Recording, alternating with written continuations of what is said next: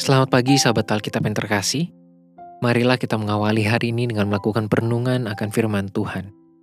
Bacaan Alkitab kita pada pagi hari ini berasal dari kitab Keluaran pasal yang ke-15, ayatnya ke-19 sampai ayatnya yang ke-21.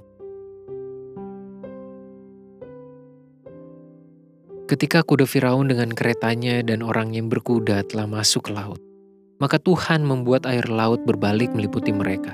Tetapi orang Israel berjalan di tempat kering dari tengah-tengah laut. Lalu Miriam, nabiah itu saudara perempuan Harun, mengambil rebana di tangannya dan tampillah semua perempuan mengikutinya memukul rebana serta menari-nari. Dan menyanyilah Miriam memimpin mereka. Menyanyilah bagi Tuhan sebab ia tinggi luhur, kuda dan penunggangnya dilemparkannya ke dalam laut. Miriam adalah salah satu tokoh dari keluarga Musa yang berjasa serta berperan penting dalam perjalanan keluarnya bangsa Israel. Bahkan ia juga dikenal sebagai nabi pertama yang disebutkan dalam narasi Alkitab. Fakta-fakta yang ada di dalam Alkitab pun cukup memberikan bukti bahwa Miriam memiliki pengaruh dan pengikut yang cukup setia. Salah satunya dibuktikan melalui perikop ini.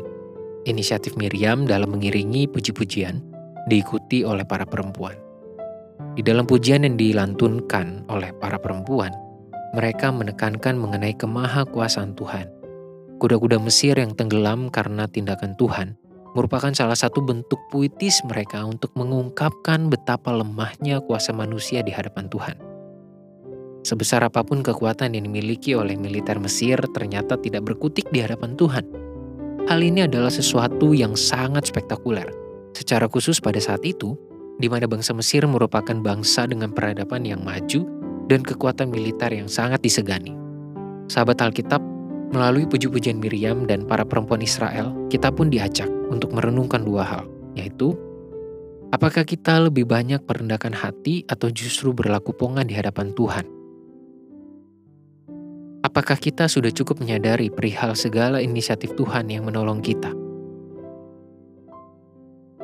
Kuda-kuda dan para penunggang Mesir merupakan simbol kekuatan manusia dalam kesombongan manusia yang tidak akan bertahan di hadapan Tuhan. Kekuatan manusia sebesar apa pun itu tidak akan berarti di hadapan kuasa Tuhan. Oleh sebab itu, kita perlu mengakui kemahakuasaannya, bergantung kepadanya, dan tidak pernah melupakan segala tindakan Tuhan dalam hidup kita agar terlepas dari segala kepongahan yang tak berarti di hadapan Tuhan marilah kita berdoa. Tuhan pimpinlah kami, bimbing dan bina kami untuk memiliki iman serta sikap hidup yang penuh dengan kerendahan hati di hadapan Tuhan. Biarlah kami selalu mengingat akan segala pertolongan, karya, dan inisiatif kasih Tuhan bagi kami. Jangan biarkan kami hidup dalam kesombongan, seolah-olah kami mampu bertahan sendirian.